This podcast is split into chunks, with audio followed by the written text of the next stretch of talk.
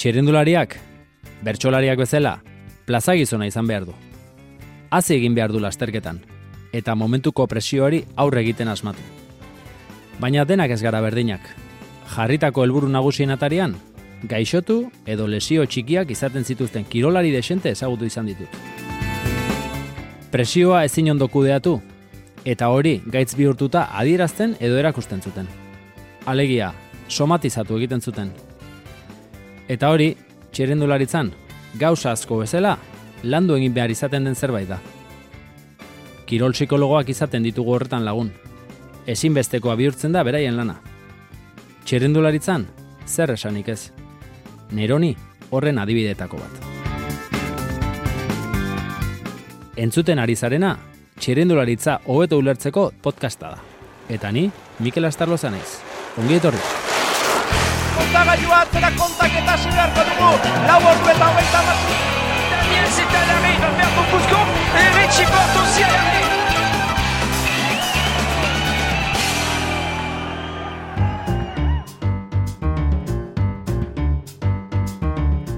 Denboraldi batean jarritako helburuak lortzen laguntzeko, edo porrot egiten dudanean egoera hori kudeatzeko, neroni izan naiz psikologoa izan duenetako bat.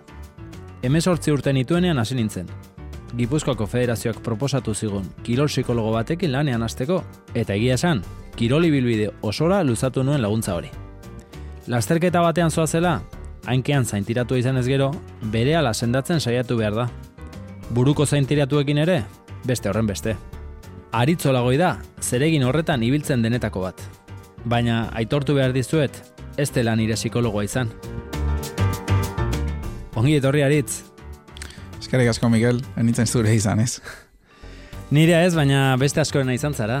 Bai, e, kirolari desberdinai eta hoien artean txirrendulariak ere badauzkat eta eta izan ditut, bai. Ba, ni ere, nire txirnolari garaian, eh, bueno, ba, iru, iru psikolo, kirol psikologo desberdin izan nituen, Ernesto, Josian, Saioa, eta egia esan, e, bueno, zerrik hasi haundia zegoela konturatu nintzen. Bai, eta pentsatzen dut gainera, mm, etzela oso ohikoa izango. E, garai hartan, bueno, kirol psikologoaren figura esan dezakegu oraindik ere ba, bidea egiten nahi gehala eta bueno, gure esparruak e, lortzen nahi gehala, baina ba, oraindik ere ez da erabat ohikoa edo gaur egun esate baterako edozein kiroletan eta txirrendularitzan ere, ba, prestatzaile fisikoaren figura esate baterako ez da ziur asko zalantzan jartzen eta mundu guztiak, e, talde guztiek edukiko dute, baita maila apalenetan ere, kasu, kasu askotan. Aldiz, ba, psikologoa ziurrenik galdetzen hasiko bagina elkarte desberdinetan edo klub desberdinetan, nork daukan, mm, ba, gehienek edo askok, el, oraindik ere esango dute ez, ez daukatela psikologorik. Orduan, bueno, hori da eh, azkenean ba, egiteko gelditzen zaigun bidea, bidearen erakusle. Dena den, garai batean oso maila altuko txirolari edo kirolarientzat lotutako zerbitzua zen, eta gaur egun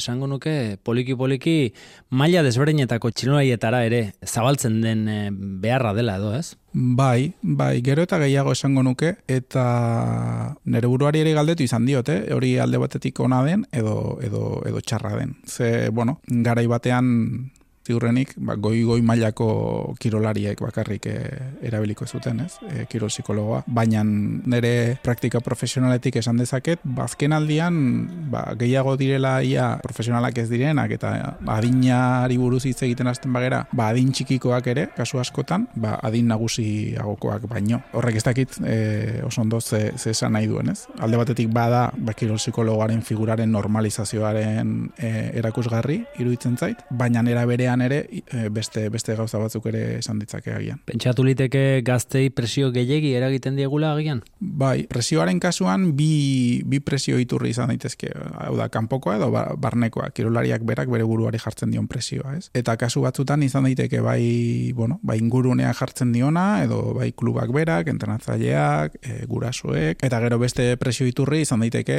ba, norbera, norberak bere buruari edo gazteak bere buruari jartzen dion presioa, ezta? Egia da ere etortzen zaidela burua, bueno, ba, agian ere kontzienteago gara edo balanketa psikologikoaren beharra barreratuago eduki dezakegu, barlo fisikoa prestatzen duen bezala, ba, bueno, eduki dezakela laguntzaile bat, pertsona bat, ba, bere barlo psikologikoa lantzen ere lagunduko diona. Eta hortik baldin bada, bueno, ongi etorria izango litzateke ez. Eta diozun bezala alderdi fisikoa lantzen dugun moduan landu daiteke alderdi psikologikoa, baina berdin hobetu daiteke alderdi psikologikoa fisikoa bezen beste hobetu daiteke, noraino iritsi gaitezke?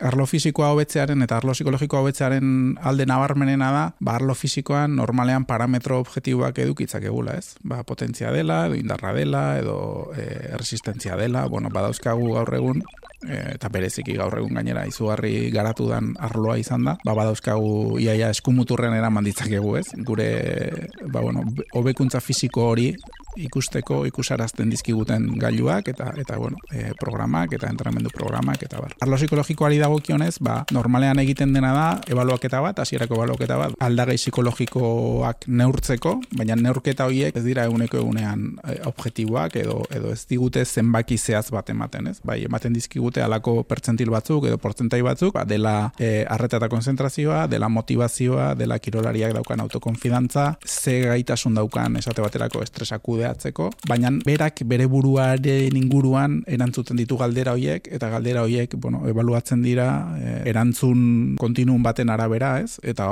gero puntuazio batzuk edo percentil batzuk ateratzen dira erantzun horietatik eta ez dira eguneko egun e, objektiboa, objektiboak, ez?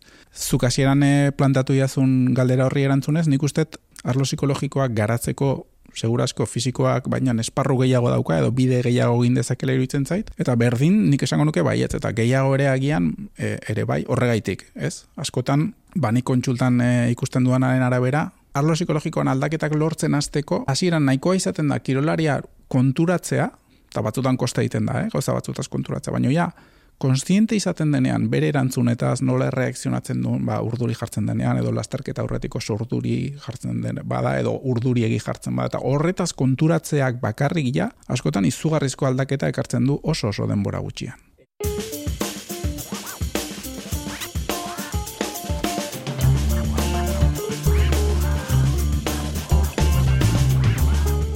Eta pixkat, e, lanketaren metodologiaren inguruan, e, behin ebaluaketa egin duzuela eta esan dezagun, ba, hobetu beharrekoa identifikatuta dagoela, dagoenean, nola egiten duzute lanketa? Nola heltzen zaio nola baitere e, arazoari edo edo lanketa egiteko gai horri? Ba, ba ikusten da non egon daiteken behar gehiago. Ne gustatzen zait beti, txirrendulariakin partekatzea hori, zehetzait gustatzen eta e, lan nire lan egiteko moduan, eta iruditzen zait e, nire esperientziak erakutsi didanagatik, ez da nahiko azuk kirolariari esatea zertan hobetu behar du. Edo zenbaki hauekatea dia, edo balio hauekatea dia, eta honen arabera hau hobetu behar dezu. Baizik eta kirolariak berak ere prozesuan parte hartu behar du. Ze bera da lehenengo araketa hori nahi duena, edo nahi beharko lukeena, zeren naiz eta nik oso garbi eduki, ba, esaterako, ba, konzentrazioan baldin badauka gehien hobetzeko tartea, baina kirolariak iruditzen bazaio ez daukala inongo beharrik ze ondo konzentratzen dela eta ez duela harretari galtzen eta ez daukala inongo arazorik horretan, ba segurazki ez du hobetuko, pentsatzen duelako ez duela hobetu behar, ezta? Horren arabera, bueno, abion arteko erabakiak hartzen joan, eta gero lan egiteko modua da alde batetik elkarrizketa, elkarrizketaren bidez pixka bat horri identifikatzen joan, eta kirolariak kontatzen dianan arabera, bere e, esperientzietan eta bizipenetan oinarritzen joan, eta gero mm, normalean egiten dudana da beti e, etxeko lanak jarri eta lanketa praktikoa egin arazi. Izaten dira ariketa konkretuak, edo berak, ba, edo entrenamenduan, edo lehiaketan zehar, lantzen joan behar dituen zeregin konkretuak. Nik ibilbidean zehar ezagutu izan ditut eh, helburu nagusienak iritsi aurretik e, gaixotu edo lesionatu egiten zirenak, ez? Ez dakit hori maiz ematen den e, adibide bat ote den? Bai, ematen da, ematen da, eta hori da, e, erabat e, gizakiarra den e, emozio batetik abiatutakoa, eta da beldurra. Eta beldurra denok sentitzen dugu, momentu baten edo bestean, ez? Baina gero, gauza desberdinai diegu beldurra gutako bakoitzak. Eta batzuk diote beldurra gian, ba, ardurari, edo helburuak ez betetzeko arrisku hori, edo horri diote beldurra, eta horrek askotan eraman ditzake, edo gaixotzea, edo minartzea, edo...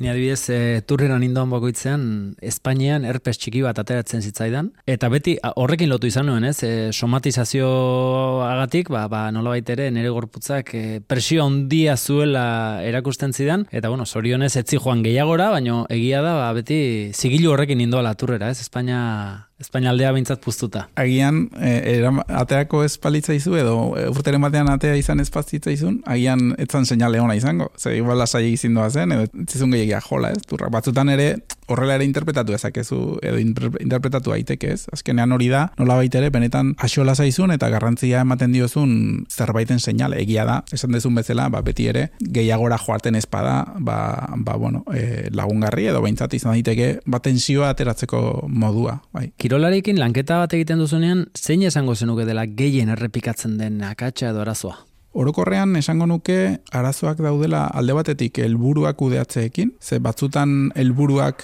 e, lehen esan duan bezala, ba, norbera jarri zaizkioke bere buruari, baina kanpotik inposatutakoak edo kanpotik inposatzen dizkigutela e, usteak edo sensazio hori eukitzea askotan okerragoa izaten da, norberak bere buruari jarritakoa izaten denean baino, eta gure kontrolatik kanpo gelditzen den edo kanpoago edo guk benetan sinisten ez degun helburu bat inposatzen ari zaizkigunean, oso zaila izaten da hori hori kudeatzen eta asko kostatzen da, ezta? Kasu askotan gainera izaten da, ba, asola zazkigun pertsonek edo internatzaileak edo, edo gurasoak edo aitak edo amak e, inposatutako helburu hori nik bizi badut ba, oso garrantzitsu bezala eta gainera sortzen didan sensazioa edo bizipena baldin bada ezin dietela utxe egin eta helburu hori bete behar dudala ez utxe egiteko helburu hori lortzea eta los ez lortzea kasu honetan ba, akats bat bezala, arrisku bat bezala beldurrez bizitzen hasten geranean normalean horazten dira arazoak ba, lehiaketan gaudenean esate baterako helburua bakarri baldin bauka buruan, mm, helburura iristeko egin behar ditugun guztiak e, astu ingo zaizkigu. Eta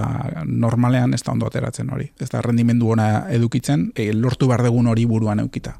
Bai, hain zuzen ere, nik inguruan e, somatzen nuen, ez dakit, akatx e, errepikatuenetako bat, e, hori zen, ez? E, elburu irrealak jartzea, ez? Askotan ikusten dituan txinolariak e, oso oso e, elburu zailak jartzen zizkiotenak euren buruari, edo alderantziz, oso oso elburu erresak eta eta erres betetzekoak, eta askotan nik uste zaila dela, ez? Nolabait ere, elburuak ere erregulatzea norberaren mailaren arabera. Ze azkenean, kil profesionalean, balen aipatu ditu dan, bada, gurasoak, entrenatzaia eta barri, gehitzen zaizkio komunikabideen e, helburuak eta komunikabideen espektatibak, ez? Edo eraikitzen dituzten espektatiba horiek. Eta orduan, ba ez da errexea izaten hori dena kudeatzen kasu askotan, eta norberak lortu nahi dituen helburuak baino, besteak espero dituzten helburuak jartzen direnean ere, ba horre arazoak etorri daitezke. Eta egia da ez dela, ez dela errexa eh, helburuak jartzen, ze gero, ba, txirrendularitzara joan, joan da zehazki, horre egon daitezken beste arazo batzuk edo talka batzuk dira norberak dauzkan helburuak eta gero taldeak, taldeko zuzendariak e, ematen dion rola eta jartzen dizkion helburuak, ez? Eta hor helburuen talka hortan ere ba, frustrazio handiak egon daitezke, ez baldin badaude nola baita ere pixka bat, e, ondo landua, konsensuatuak, rol guztiak garbi ezpa daude, eta askotan arazoak ere horrazten dira, talde kirolean. Ba, rolak norberak uste duenean rol bat bete behar duela, eta internatzaileak edo zuzendariak beste bat ematen dionean, bat talka horretan ere hor, hor sortzen dira arazoak. Eta helburuena, helburu irrealena ere, nik ezak puntutan aino kaltea handia egiten duen ba, topikoak, ez? Ba, kirolean, kirol guztietan daude topikoak, eta orokorrean kirolean eta kiroletik kanpo ere, azken aldian arlo psikologikoaren inguruan topiko gehiegi ideala eta gehiak ez eta mina handia egiten dutenak, ez? Eta horietako bat da, helburu handiak lortzeko ametsa handiak euki berituzu. Eta nik e, bizikletan justu justu ibiltzen baldin badakit, jartzen badete turrak horritzeko helburua, ba bai, ba nere ametsa oso handia da, ez? Handira iri naiz amesten, baina haien nere gaitasunak ez daude, ez da urri eman ere, hortik e, urbile egoteko ere, ez da, ez da, orduan, ba horrelako topikoak ere, e, arriskutsuak izaten dira, ez? Eta, eta kirolaria sinisten ditunean hoiek, batalka handi bada.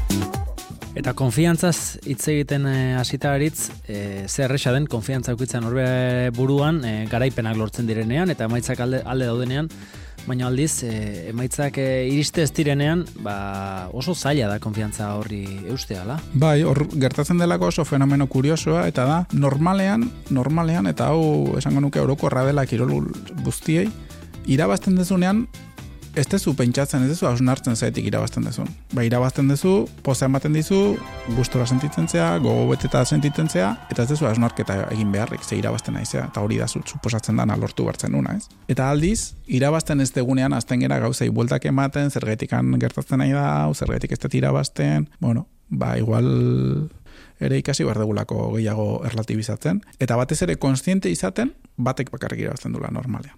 Turra korritzen duten e, berreun txirendularitatik bakarrak irabazten du. Pentsa, eundalaro gita emeretziek, ez dala izaten, baina eundalaro gita emeretzi horiek edukiko edamango balute irabazteko helburua. Ba, eundalaro gita emeretzi porrot. Zegero hizkuntzak ere gaur egun, ba, ez, e, arrakasta eta porrota, eta tarten e, grisik ez dago. Edo bikaina, bikaina amarra edo zero.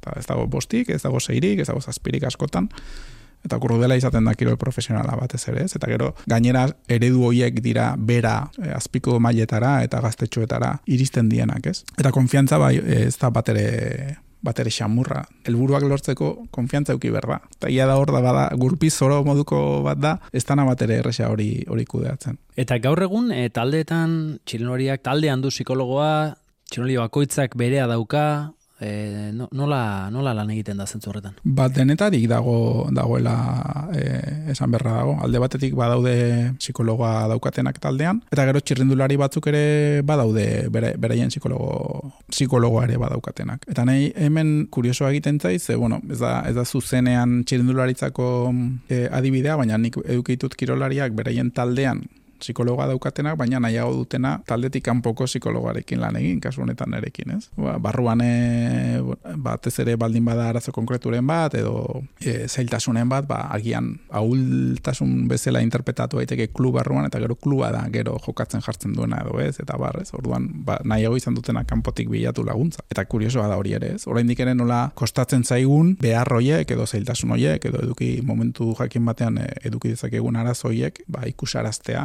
edo klub barruan erakustea. Eta taldeko psikologo diren hoiek e, lasterketa hundietara bidaiatzen dute taldearekin, etxean gelditzen dira, zein da lanketa prozesua? Ba, batzuk bideiatzen dute, eta agia da, ba, txernulari batzuk ere beharra izaten dutela. Mm, agian laguntza hori bertati bertera edukitzeko, konfiantza hori lantzeko, helburua gogorarazteko, bueno, azkenean, psikologoak horre eduki ezaken papera da gehiago gogoratzearena, helburuak berriz eh, errepasatzeko, eh, helburu berriak jartzeko, ba, lasterketa egoera esate baterako pixkate aldatzen bada, edo aurrekusitakoa gain, ba, beste, beste goera batean gertatzen bada. Eta hor nik uste oso papel garrantzitsua daukala ere, bueno, ba, zuzendariakin egin dezaken elkarlanak, ez? Zazkenan, normalean helburua jartzen dituna zuzendaria izango da, eta gero, e, kirolari bakoitzak gero bereak e, hortek ere erekiko ditu, baina, bueno, psikologarak ere laguntza hori baliatu dezake zuzendariarekin agian ba helburu egokiagoak eta eraginkorragoak e, eraikitzeko txirrendulari bakoitzaren zat, eta rolen joko hortan, eta bueno, hor badaude esparro interesgarriak, ba, azken finean, nik uste gero eta munduan itzago baten gaudela, eta kirol, kirol munduan ere lantaldeak gero eta pixu gehiago hartzen jonberko luketela. Horren nik uste bidea, bide luzea dagoela egiteko, baina bakoitzak bere espezialitatetik eta denok elkarlanean eta helburu guztiak koherentziaz landuta, ba, bide, bide interesgarria egiteko dagoela iritzen zait.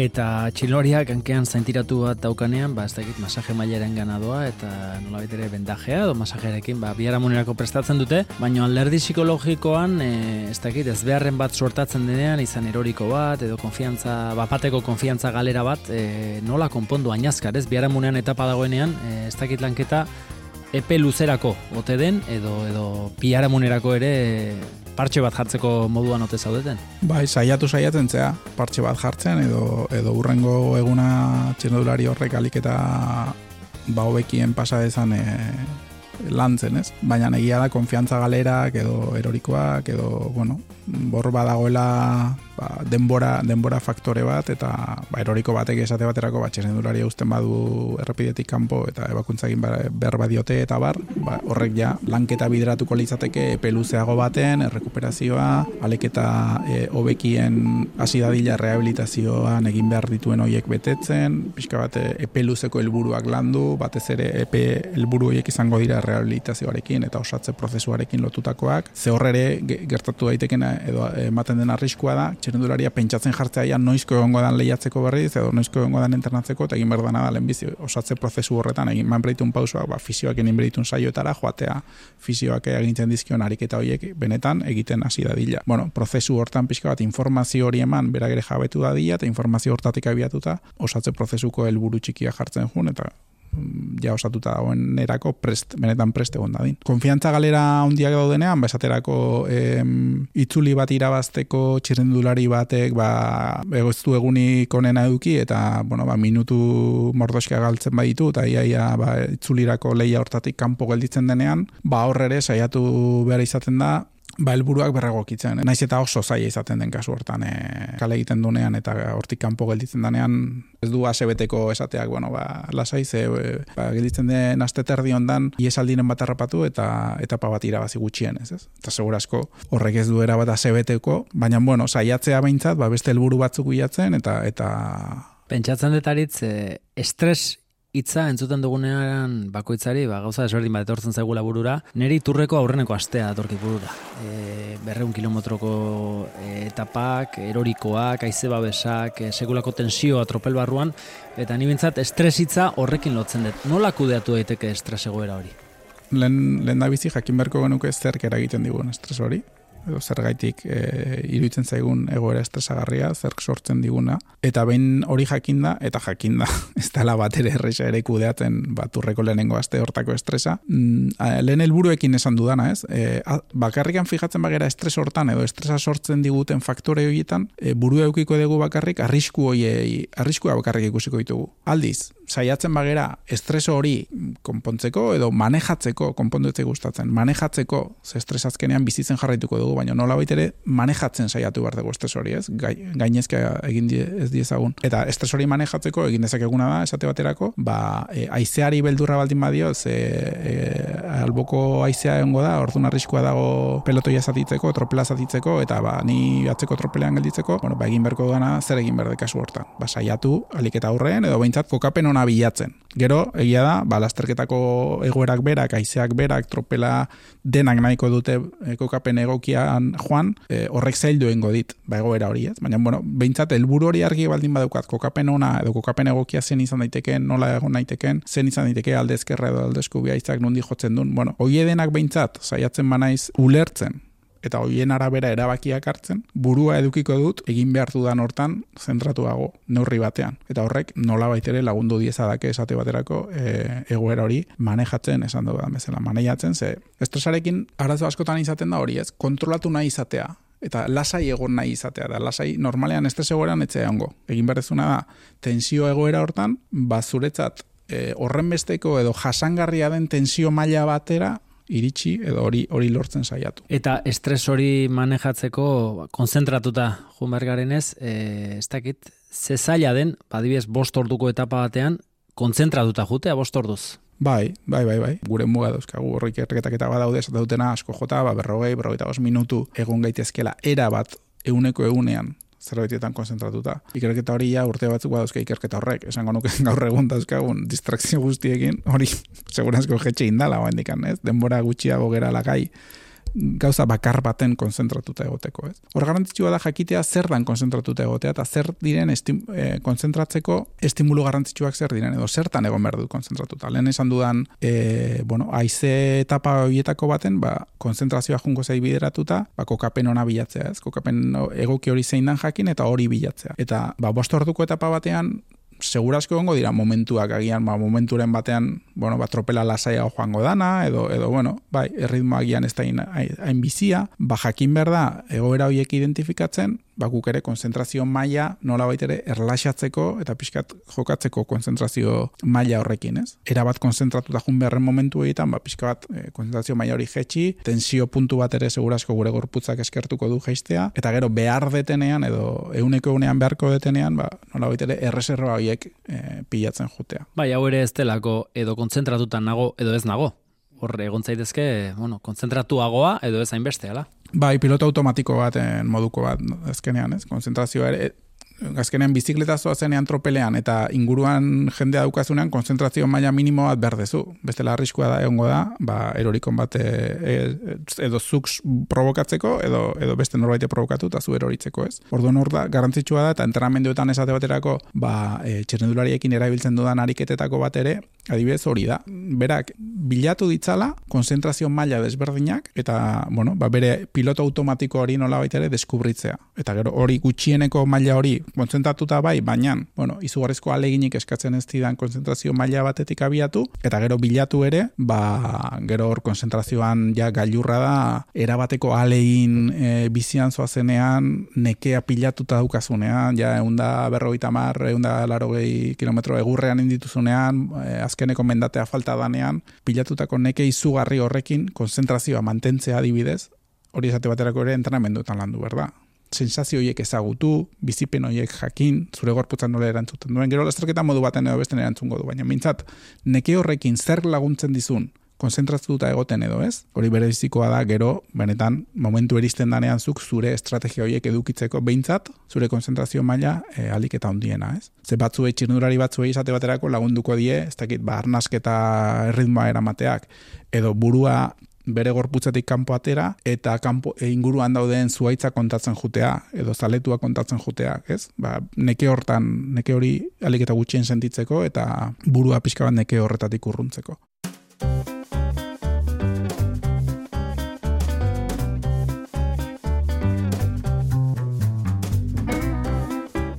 Nik personalkin eukan gabezi haundienetako bat arlo psikologikoan e, bueno, motivazioaren inguruan e, izaten zen, e, ez nintzen gai, behin e, Frantziako turra pasatuta, euneko eun motivatuta jarraitzeko denboraldia maitu arte, ez? Elburu potoloa ia pasata, ba, denboraldia bukatzeko bila eta besterik etziren falta, eta ezinezko egiten zitzaidan, ba, ba, konexio puntu berdina izatea, motivazio hori ezin eutxi, ibiltzen nintzen, nola, nola landu daiteke hori? Ba, motivazio inguruan ere, esango nuke, agian ez degula ondo ulertzen. Ze motivazioa hitz egiten degunean, ematen du beti egon behar degula hipermotivatuta etengabe denbora guztian, ez? Eta izan e, denboraldi hasiera, izan denboraldi erdia, denboraldi amaiera izan, eta motivazioak ere, ba, arretarekin esan dudan bezala, ba, momentuak eukiko ditu. E, garrantzitsuena da, esate baterako, motiv zure motivazio hori ezagutzea, eta gero nolabait ere konpromiso edo ardura mailak ere zure buruari jartzen jutea. Ze motivatuta ez egoteak, motivatuta ez egoteak gauza bat da. Baina entrenamendua egitera atea berdezula jakinda naiz eta motivatuta ez egon, ez du esan nahi entramendu guztiak motivatuta inberrituzunik. Eta nik uste hori badala ikasketa, ikasketa gai garrantzitsu bat, ez? Ba, tokatuko zaigu egun baten baino gehiagotan motivatu, motivazio maila txikiakin ateratzea eta, eta, eta entrenamendu hori egitea. Eta entrenamendu hori egitea ja, segurazki, nola ere emango digu, lehen konfiantza zitza egiten genuen, ez? Ba, gogo betetze puntu bat emango dizu, esango ez jo, gaur genukan bate gogoik ateatzeko, atea naiz, egin ditut egun kilometroak entrenamenduan euskanak, eta bueno, ba ez da, ez naiz izugarrizko abiaduran jun edo izugarrizko zea, entrenamendu izan, baina egin dut, erakusgai edo ikasgai handia izaten da hori, ez? Kirolariari erakustea, ez egongo edukiko ituzu, motivazio gutxiko egunak garrantzioa hoietan ere, egin barreko egitea. Eta agian ez dezu egingo nahi dezun erritmoa, nahi, dezu, nahi dezun bizitasunakin, ez zera izugarri ondo sentituko egiten, edo izugarri motivatuta, baina egite hori ere garrantzitsua dela, ez? Eta beste, beste askotan ere kirolariekin lantzen detena, motivazioekin lotuta, eta beste arloekin da, pixka bat plangintzatzea ere, bai. Zezin dugu motivatuta, eguneko egun motivatuta on denboraldi osoan zehar, urte bete iaia ba hor ere deskonexio puntuiek izan dituan bezala lehen arretarekin edo estresak kudeatzeko zeakin eta bar, hemen gauza bera, motivazioa ere nola ere mailakatu dezakegu, saiatu gaitezke, bueno, zein da benetan niretzat e, lehiari garrantzitsuena edo e, denboraldiko egutegiko e, garairik e, garrantzitsuena. Ja, helburu hoiekin garai hortara motivatu eritxiko naiz. Eta gero zuri gertatzen zitzaizun bezala, ba, normala da, ba, zure denboraldiko helburu garrantzitsuena, bete dezunean, baia kosta, kostatzea motivazio aldetik, ba, gogo gutxeago edukitzea, eta hori dena normalizatu egin behar dela uste dut, ez? Zaskotan ikusten dugu, jo, eski ez daukan motivazio horik arazo badaukat. Nik ala bizi nuen. Bai, bai, bai baina agian ez da arazo bat. Ta, horrek ez du, eta, ziurra ez, ziurrenik, horrek ez du esan aiztuk esaten zen honik, ez? Ez, que, ja, hemendik horrean ni inora, eh? E, aztu nitaz, ez? Ba, bueno, ba, tokatzen zitzaizunean lasterketan batea joatea jongo zinen. Orduan, bueno, e, garrantzitsua da hor- hortaz ere konstiente izatea, ez? E, ez, ez, ez gerala supergizonak edo superemakumeak e, denboraldi hasieran supermotibatu, izugarri motibatuta hasiko gera eta denboraldia maiera berdin motibatuta bukatuko dugu hori zinezkoa da. Eta ez du hitz egin, baino talde kirol batean, e, talde bizitza dago, izaera ezberdineko jende asko, ze zaila den e, guzti hori ondo kudeatzea, ez? Hain, hain, ez dakit, izaera ezberdina duen jendea, ba, elkarlanean jartzea. Bai, eta horrekin lotuta izaera desberdinak, jatorri desberdinak, hizkuntza desberdinak kasu askotan, eta kirolean nere ustez gainera e, horretaz gain, gero daude, kirolari bakoitzak eukiko ditula bere helburuak. Eta lehen eh, aipatu dugu, ba, zuzendariak edo taldeak ba, batzu eta beste helburu batzu jarriko dizkie, edo egutegiko e, lasterketa zehatz batzuk, eta gian bat edo beste ez da gustora geldituko tokatu zaion egutegiekin, edo egin behar duen egutegiarekin, edo ba, lasterketa konkretu horretarako eman dioten rol horrekin, ez? Eta hor, bueno, hor badaude adibideak ikusi dira, e, dokumentalak ere gaur egun ja zuz, kamarak barru barru sartzen dituzte eta ikusten da ez, batzutan ze, ze ara segon daitezkeen edo nola bizi duen txirrendulari batek edo besteak e, egoera hori ez. Horrazkenean, bizitzako beste hainbat esparrutan bezala nik uste da errespetu kontu badela, oinarri bat behintzat errespetu oinarri bat jartzea, eta horre elkarren artean ba alik eta bizikidetza honena sustatzea. Eta bizikidetza egokiena sustatzeko, mm, esango nuke eh, egokiena dela ba, txirrendulari desberdinek elkar ezagutzea, elkarrekin denbora pasatzea, eta elkar ezagutza hori sustatzeko, ez? Eta elkar ezagutza hori sustatzen, sustatzea lortzen badegu, taldearen kudeaketa eta talde giroa ere hobea izango da eta agian erresagoa izan daiteke e, hori. Oinarri oinarrian dago komunikazioa era baita ere. eh? Komunikazioa irekia dagoenean, ba arazoren badagoenean, ba gauzak mai gainean jarri eta garbi hitz egiten danean, e, norbera gaizki sentitzen denean gauza bera, ez? E, ba honengatik edo argatik, ba naiz e, gustora sentitu edo helburu jarri zeniaten eta nik uste beste helburu batzuk bete ditzake dela. Gutxienez mai gainean jartzen badira, hitz egiten badira eta ez dut esango adostasun batea iritsi, porque askotan agian ez da adostasunerako e, aukerarik egongo.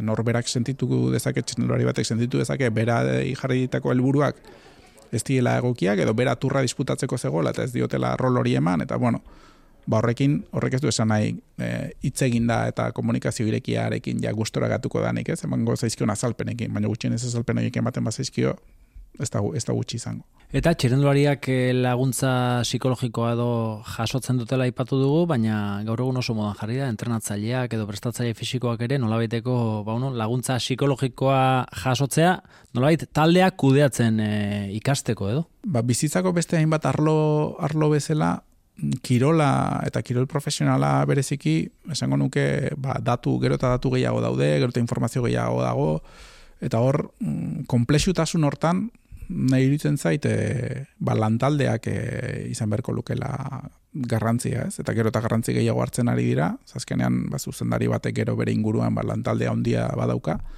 Eta lantalde horren barruan, ba, nik, e, nik ulertzen dut psikologo baten ekarpena ere ba, beharrezkoa eta interesgarra izan daitekela, ez?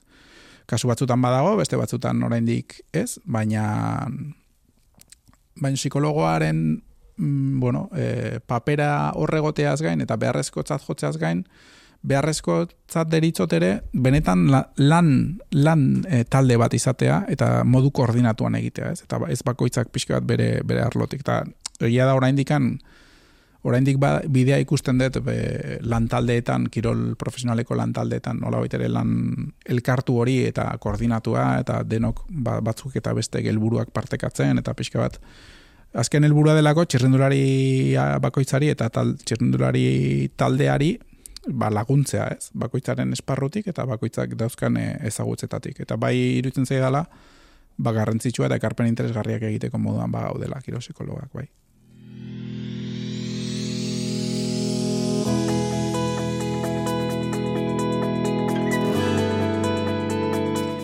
Orain arte hitz egin dugun guztiak aritz eh, ez du txilnolitzerako bakarrik balio. Bizitzaren beste esparro askotako ere baliogarria da. Den denak hartuko ditugu kontuan.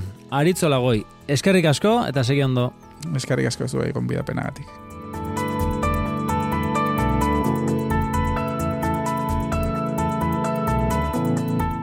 Nire kiroli bilbidean zehar, estrategia psikologiko batzuk garatu nituen. Baina erabiliena zeintzen kontatu nahi dizuet. Gorputzak etzuenen gehiagorako ematen, eta nire mugara iritsi nintzela sentitzen nuenean, pedalkolpeak zenbatzen hasten nintzen. Nire aurreko txirenduariak jarraitu ezinean nenbilenean, pedal kolpeak zenbatuz lusatzen nuen nire sufrimendua. Lehen da bizi hogei pedal kolpe, gero beste hogei, eta beste hogei, eta hogei gehiago. Horrela, minutu pare bat gehiago uste nion erritmoari. Bat, bi, iru, lau, bost, sei, zazpi, sortzi, behatzi, amar, amaika, amabi, amairu, amalau, amabost, amasei, amazazpi, amazortzi, meretzi, hogei. Bat, bi, iru, lau, bost, sei, amaika, amabi,